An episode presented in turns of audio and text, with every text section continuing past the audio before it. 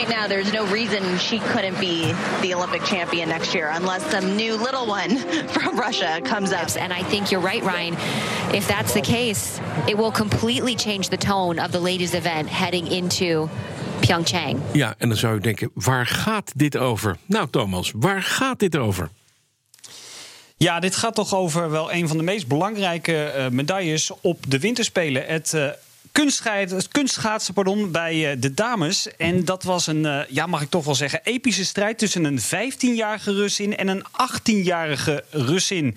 Hm. Na de korte kuur uh, ging Zakitova aan de leiding met een nieuw wereldrecord, 82,92 punten. En Yevgenia Medvedeva, haar landgenoten dus, en ook trainingsgenoten, zat daar een dikke punt achter. Klein verschil.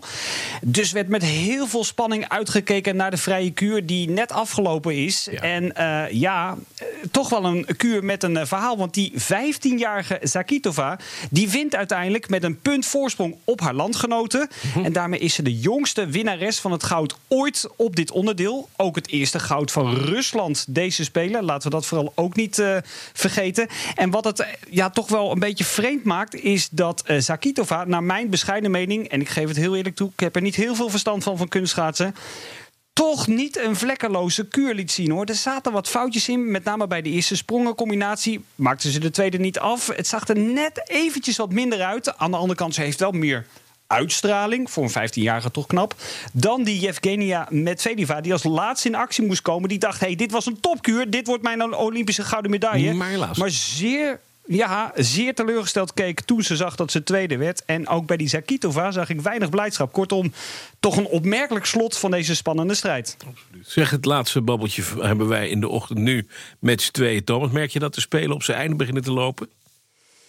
Ik, ik, had eigenlijk ja willen invullen, maar het is toch uh, niet het geval hoor. Ik uh, ben net weer een paar uur op het Olympisch Park uh, geweest. Ik kwam trouwens niet in die hal waar het kunstschaatsen was. Daar moest ik een extra kaart voor hebben. Normaal gesproken kom ik met mijn accreditatie overal binnen, maar daar dus niet. Ik probeer het gewoon, lukt uiteraard niet. Dus ik ben maar een beetje over het Olympisch Park gelopen en het valt me echt op hoor. Het is deze hele spelen al kei en kei druk. Ik, ja, ik, ik ben zowaar zelfs die shop ingegaan, waar we het eerder over hebben gehad, met die enorme rijen. Ik heb een half uur in de rij gestaan voor de kassa. Dat valt op zich nog wel mee, zou je denken. Maar als je je bedenkt dat er 24 kassen zijn in die shop en je moet een half uur wachten, dan kun je toch echt wel voorstellen hoe lang die rij was. Nee, het is echt nog steeds mega druk. Jeetje. Hey, vandaag nog eventjes voor de Nederlanders belangrijk. Gisteren die geweldige dag met het zevende goud voor Nederland dankzij Suzanne Schulting. Maar de duizend meter op de mannen. Uh, schaatsen. Uh, wat, gaan we, wat gaan we zien? Want wij spraken er straks iemand die zegt... op basis van uh, data gaat Kjeld Nuis het niet worden... maar wordt het Lorentzen? Oh, dat wil ik dan wel even horen, want dat heb ik niet gehoord. Waarom dan? Ja, die heeft van de 64.000 schaatsers 2,3 miljoen uitslagen naast elkaar gelegd en doorgerekend. en toen gezegd, nee, het wordt Lorentzen. Hij hoopt dat het oh. om 11 uur inderdaad waar, is, anders moet hij het wat bijstellen. Maar hoe, nou, hoe liggen de kaarten? Nou, bij mij is uh, Nuis uh, torenhoog favoriet. En dat zeg ik echt niet omdat, uh, omdat we landgenoten zijn. dat zeg ik gewoon omdat hij de 1500 meter al won dit toernooi natuurlijk. Lorenz ja. won weliswaar de 500 meter. maar Nuis is ook de wereldkampioen op deze afstand. Heeft een geweldig seizoen tot nu toe in de wereldbeker op deze afstand laten zien. Heeft Lorenz verslagen in de laatste wereldbekerwedstrijd voor deze Olympische Spelen. Kortom, allemaal statistieken die ja, zou ik dan zeggen, in het voordeel van Kjeld Nuizen spreken. En ja, vooral de uitstraling van die gozer, die is echt fenomenaal. Staat er met heel veel zekerheid de media te woord. In de trainingen ziet het er ook allemaal heel krachtig en, en, en gelikt uit. Nee, voor mij de torenhoog favoriet. Maar er zijn natuurlijk ook andere. Verwij in rit 16 tegen die Lorensen, die sterke Noordus. Dan in de 17e, rit ver, uh, voorbij. Uh, de man die al wekenlang geen duizend meter meer heeft geschaatst tegen de Hetter. En dan in de laatste rit Kjeld Nuis tegen Poetala. Dan weten we dus of Nederland de achtste gouden medaille heeft gewonnen. Nog even, eh, Thomas. Hoe zit het eigenlijk met het imago van Nederland daar in Zuid-Korea? Want we hadden eerst zijn kamer, die gooide een medailleplaten publiek in. Twee mensen gewond, twee meisjes gewond. Nu heeft Blokhuizen heeft kritiek geuit op Zuid-Korea... omdat ze daar honden slachten. Zijn ze ons daar niet een beetje, beetje beu daar in Zuid-Korea? Ik ben bang dat je toch wel even iets te dik uh, aanzet, uh, Koos. Die actie van de heren schaatsers in het Hollandhuis was bepaald niet vrij.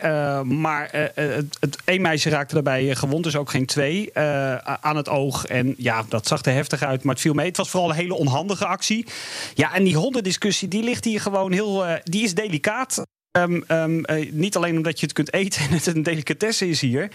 Uh, maar het schijnt toch dat uh, hond echt wel bij heel veel restaurants van het menu is afgehaald. Al langere tijd dat de vleesconsumptie wat dat betreft sterk terugloopt. Maar ja, het wordt nog wel gegeten. Ja. Niet door mij natuurlijk. Ja, en Blokhuis is een dierenliefhebber, dus die heeft dat aangekaart. En aan de andere kant heel veel Koreanen hebben een hond als huisdier. Het enige wat ik daar nog bij zou willen zeggen is... ik loop langs die dierenzaken regelmatig... en er zitten van die hele jonge hondjes in van die hele kleine hokjes. Ja. ja, ik krijg het niet over mijn hart om daarnaar te kijken. Ik vind het zo zielig. Maar ja, het schijnen toch echt hondenliefhebbers te zijn hier. Nou, ja, ja, precies. Maar het hangt er vanaf wat je onder liefhebber verstaat. Dankjewel. Ja, nee, ik, dat, dat laatste. Dat ze, dat ze toch vooral schattig huisdieren vinden. En uh, nee, ze eten het echt uh, steeds minder en minder. Oké, okay, behalve hotdogs. Maar dat zijn geen honden gelukkig. Dankjewel, Thomas Schuurman.